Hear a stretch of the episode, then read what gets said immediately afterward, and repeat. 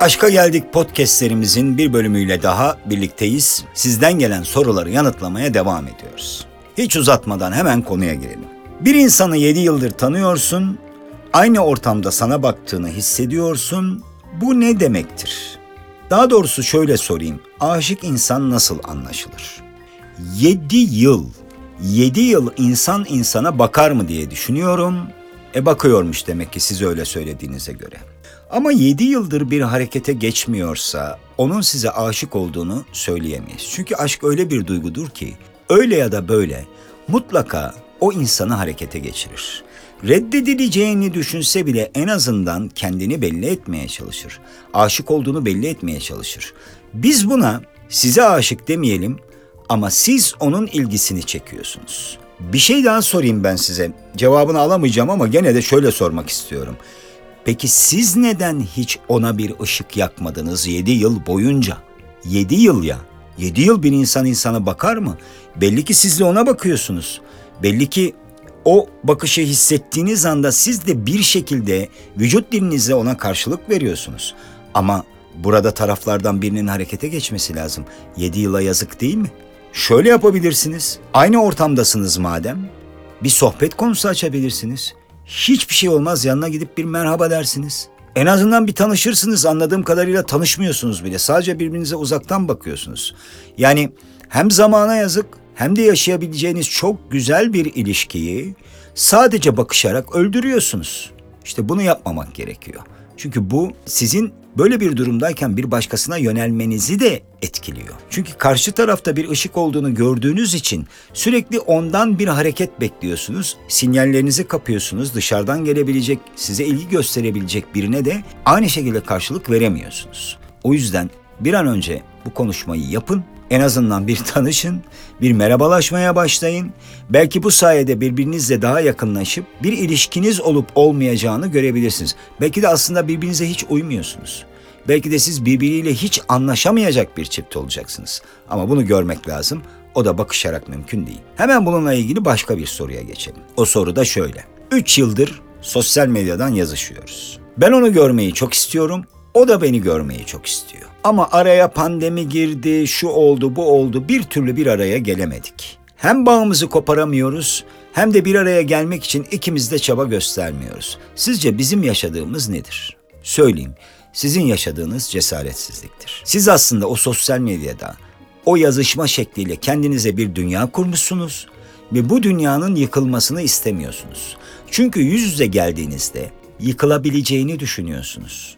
Evet, olur bazen öyle. Yazışırken birbirinden çok etkilenen çiftler bir araya geldiklerinde aynı ortamda bile bulunamayabilir. Çok normal bu. Elbette artık teknoloji sayesinde birbirinizi videodan görmüşsünüzdür, görüntülü konuşmuşsunuzdur ama yüz yüze konuşmak gibi değildir. Siz bundan korkuyorsunuz. Bu düzenin değişmesinden korkuyorsunuz. Yani cesur değilsiniz. Cesur olsaydınız çoktan şimdiye kadar buluşmuş, bundan sonra nasıl devam edeceğinize karar vermiş olurdunuz. Peki bu kötü mü? Yani yazışarak bu ilişkiye devam etmek kötü bir şey mi? Açıkçası kötü bir şey. Nereye kadar yazacaksınız ki? Bir gün eninde sonunda sözcükler tükenecek. O zaman ne yapacaksınız? O zaman mutlaka başkalarına yöneleceksiniz. Bunun çaresi yok. İyisi mi? Bir an önce bir araya gelmenin bir yolunu bulun, karşı karşıya gelin ve ne yapacağınıza bir bakın. Anladığım kadarıyla ayrı şehirlerdesiniz zaten. Bu durumda bir ilişkiyi yürütmek de çok zor. Yani bir araya geldiniz, görüştünüz, konuştunuz, randevulaştınız ama nasıl devam edecek? Atıyorum o Ankara'da siz İstanbul'da, ne bileyim o Çemişgezek'te siz Keşan'da nasıl yürüyecek bu? Yürümesi de zor. Bu konuya da şöyle el atmak gerekiyor. Uzaktan ilişkiyi yürütmek ne kadar zor olabilir diye bir soru gelebilir aklınıza. Dünyanın en zor şeyidir diye cevap veririm ben de buna. Çünkü öyle anlar gelir, yanınızda sevginizi istersiniz. Onun varlığını hissetmek istersiniz. E, Bir filme gidersiniz, onunla izlemek istersiniz. Bir yemeğe çıkarsınız, keşke o da yanımda olsaydı, birlikte yemek yeseydik diye düşünürdünüz. Her şeyden öte birbirinize dokunmak istersiniz, öpmek istersiniz, sarılmak istersiniz. Bunların hiçbirini gerçekleştiremiyorsunuz sevginiz uzaktayken. Öyle ayda bir görüşmeler, yılda bir görüşmeler, üç ayda bir bir araya gelmeler o ilişkiyi yürütmeye yetmez. Bu ancak belirli bir süre ile mümkün olabilir. Zorunluluktan. Atıyorum birliktesinizdir. Eşiniz ya da sevginiz bir eğitim için belirli bir süreliğine sizden ayrılmak durumunda kalır. Bu katlanılabilir bir şeydir. Ama bunun için önce ilişkinin başlamış olması gerekiyor. Yani siz zaten uzaktasınız birbirinizden. Birbirinizi hiç görmemişsiniz. Bir de ilişki yürüteceksiniz. Bu mümkün değil. Daha da önemlisi uzakta olan kişilerin bir araya gelme iradesini de göstermesi gerekiyor. Siz orada, o orada bunun yürümeyeceğini bilip nasıl bir araya gelebilirizin yollarını aramanız gerekiyor. İş mi değiştirmek gerekiyor bazen? Evet yapmalı. Birinin fedakarlık edip diğerinin şehrine mi gitmesi gerekiyor? Evet bazen yapmalı. Ama mutlaka bir araya gelmeli yoksa o ilişki yürümüyor. Şimdi şunu söyleyeyim size. Ben sizinle yazışıyorum. Harika şeyler söylüyorum. Seni çok seviyorum, çok özlüyorum. Keşke yanında olsam, keşke sana dokunabilsem, keşke sarısa, sarılabilsem, keşke sarılabilsem. Bunların hepsi çok güzel sözler. Şiirler yazmalar, sosyal medyada işte ne bileyim birbirinize komik videolar atmalar, çiçekler, böcekler göndermeler bunların hepsi bir süreliğine çok güzel. Ama insanların hormonları var ve ihtiyaçları var. Siz bunu o kişiyle yaşarken, bu yazışmaları onunla yaparken dışarıda neler oluyor acaba? Vücudunuz, beyniniz size ne söylüyor? Arzulama, cinsel istek. Peki bunlar ne oluyor? Bunları ne kadar bastırabilirsiniz? Ne kadar erteleyebilirsiniz? Erteleyemezsiniz tabii ki. O yüzden 3 senedir biz yazışıyoruz, bir araya gelemedik sözünü e, ben çok gerçekçi bulmuyorum. Taraflardan biri bu soruyu soran değil belki ama karşı taraf mutlaka fiziksel bir takım temaslarda bulunuyor ki sizinle 3 yıldır yazışabiliyor. Başka türlü mümkün değil. Ne yapıyoruz? Manastıra mı kapanıyoruz? 3 yıl hiç kimseye dokunmadan, hiç kimseyle bir şey yaşamadan sadece yazışarak ilişki olur mu? Olmaz elbette. Kendimizi kandırmayalım. Bu ilişki hiçbir yere gitmez. Benim size tavsiyem ya bir araya gelin ya da bu yazışmayı da sonlandırın. Çünkü hem vaktinizi harcıyorsunuz hem de olmayacak bir duaya amin diyorsunuz sadece. Gelelim bir başka soruya. Gelelim bir başka önemli konuya. Kıskançlık. Bir insan ne kadar kıskanç olabilir? Kıskançlık insanın başına nasıl dertler açabilir? Sorumuz şöyle. Sevgilim çok kıskanç. Hatta o kadar kıskanç ki benim ona haber vermeden markete gitmemi bile problem ediyor. Ve gerçekten dünyayı bana zehir ediyor. Onun bu kıskançlığını düzeltmek için çok uğraştım. Başkasıyla hiç ilgim olmadığını, onu çok sevdiğimi ona defalarca kanıtladım. Fakat ne yapayım benim yapım böyle değişemiyorum deyip kestirip atıyor. Ben artık çok sıkıldım. Bu baskıcı düzenden kurtulmak istiyorum ama bir yandan da onu kaybetmek istemiyorum. Sizce ne yapmalıyım? Eyvah eyvah. Gerçekten eyvah. Kıskançlık çok büyük bir problem hanımlar beyler. Dozunda kıskançlığa hiç kimsenin söylediği bir şey yok. Ancak kıskançlık dediğimiz şey insanı öyle bir hale getirir ki artık nefes alamaz bile hale gelirsiniz. İnsan neden kıskanır sorusunun bir yanıtı var elbette. Doğamızdan kaynaklanır. Sevdiğimizi kimseyle paylaşamıyor olmamızdan kaynaklanır. Bunların hepsi normal. Ama daha da önemlisi kıskançlık esas özgüven eksikliğinden kaynaklanır. Sevgiliniz size bu kadar baskıcı davranmasının en büyük nedeni kendisine çok az güveniyor olmasıdır. Çünkü kıskançlık karşımızdaki kişinin bizi her an aldatabileceği düşüncesine sahip olduğumuz anlamına geliyor. Aşırı kıskançlıktan bahsediyorum tabii ki. E böyle biriyle niye yaşayalım? Sevgilimizin bizi her an aldatabileceğini düşünerek neden bir ilişkinin içerisinde olalım? Böyle bir şey mümkün mü? Böyle bir şekilde yaşamak mümkün mü? Değil elbette. O zaman bu problem kişinin kendisiyle ilgili. Yani sevgilinizin sizi kıskanması sizinle ilgili değil, sizin davranışlarınızla ilgili değil, sizin yaptıklarınızla ilgili değil, tamamen kendisiyle ilgili. Özgüveni eksik ve daha da önemlisi takıntılı. Böyle bir insanı düzeltebilir misiniz? Hayır, siz düzeltemezsiniz. Ancak o düzelmek istiyorsa ciddi anlamda terapi alarak, bir uzmandan danışmanlık alarak bunu düzeltme yoluna gidebilir. Bu haliyle mümkün değil. Ha tabii bu arada siz bundan yakınıyorsunuz ama yakınmayan insanlar da var. Ne kadar çok kıskanıyorsa beni o kadar çok seviyordur diye düşünen var. Çok yanlış. Kıskançlık sevginin ölçütü olamaz.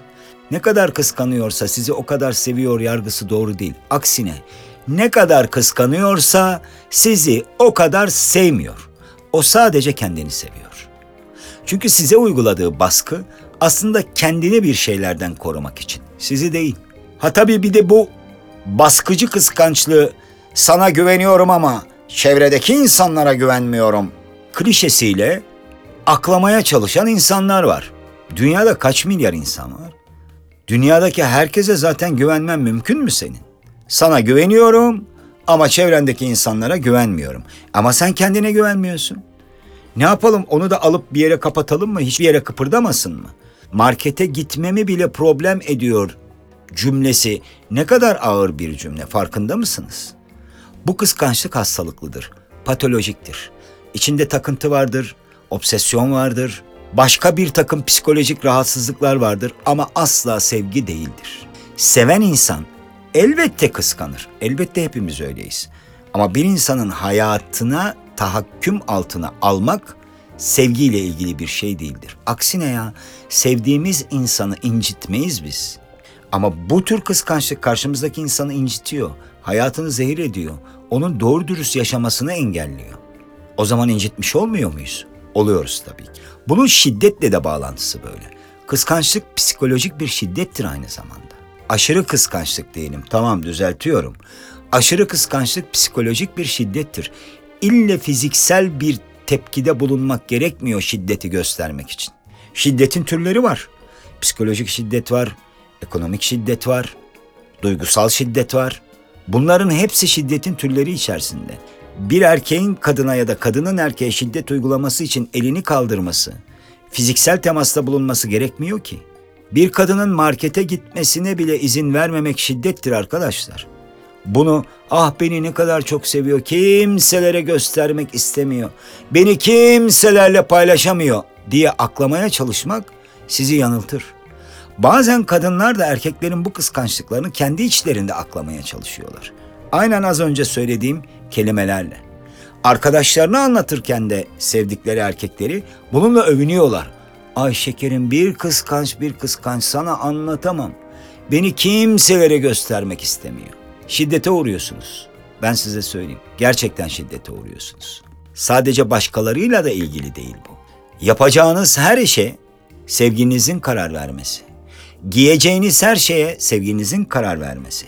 Gideceğiniz her yere sevginizin karar vermesi korkunç bir durum. Duygusal ve psikolojik şiddetin tillahı, zirvesi, nirvanası. Buradan ötesi yok artık. Buradan ötesi hastane, klinik. Size değil. Bunu uygulayan kişiye yapılması gereken şey bu. Bir hastaneye kapatılmalı, bir kliniğe kapatılmalı ve çok uzun süre tedavi görmeli. Çünkü bunu kabullendiğiniz zaman bir sonraki aşama çok daha ağır olacaktır sizin için. Gerçekten öyle. O aşamaya geçmeden bunu baştan durdurmanız gerek. Bunun da tek yolu beni sevdiği için kıskanıyor demek yerine beni neden bu kadar çok kıskanıyorsun? Sende bir problem var demekten geçiyor. Karşımızdaki insanı ancak o şekilde düzelmeye ikna edebiliriz. Kişiler değişir mi? Evet. Kötüler iyiye doğru değişir. Kötü huylarımız, kötü davranışlarımız, alışkanlıklarımız iyiye doğru değişir. Değişim böyledir zaten. Ama iyi olan şeyler kötüye doğru evriliyorsa bu değişmek değildir. Bu bir hastalığın göstergesidir. Ruhsal, akılsal, psikolojik hastalıkların göstergesidir. Onu böyle düşünmemiz gerekiyor. Bu kıskançlığı sadece erkekler yapmıyor tabii. Kadınlar da yapıyor. Belki kadınların kıskançlığı, dışa vurumları erkeklerinki kadar şiddet içermiyor olabilir ama o da psikolojik bir şiddettir. Sevgililik ilişkisi, karı kocalık ilişkisi birbirimizi mutlu etmek için girdiğimiz ilişkilerdir. Birbirimize hayatı zehir etmek için değil. Sevgiliysek, birbirimizle evliysek her şeyi her an birlikte yapabileceğimiz anlamına gelmiyor bu. Özel yaşamlarımızı kendimize ait olan alanlara mutlaka saklamalıyız. Ancak ve ancak o zaman sağlıklı bir ilişkinin içerisinde yer alırız. İlişkimize de katkı yaparız. Sürekli birbirimize görerek her an her şeyi birlikte yaparak ilişkimizi zenginleştiremeyiz. Arkadaşlarımızdan aldığımız feedbackler, çevremizden aldığımız feedbackler ilişkiye kattığımız şeyleri şekillendirir. Düşünsene her gün birliktesin. E akşam konuşacak bir şeyin var mı? Her an birliktesin. Hangi sohbet edeceksiniz birbirinizle? İlişkiler için dedikodu bile önemlidir biliyor musunuz? Dedikodu insana mahsus bir şeydir ve çok önemlidir.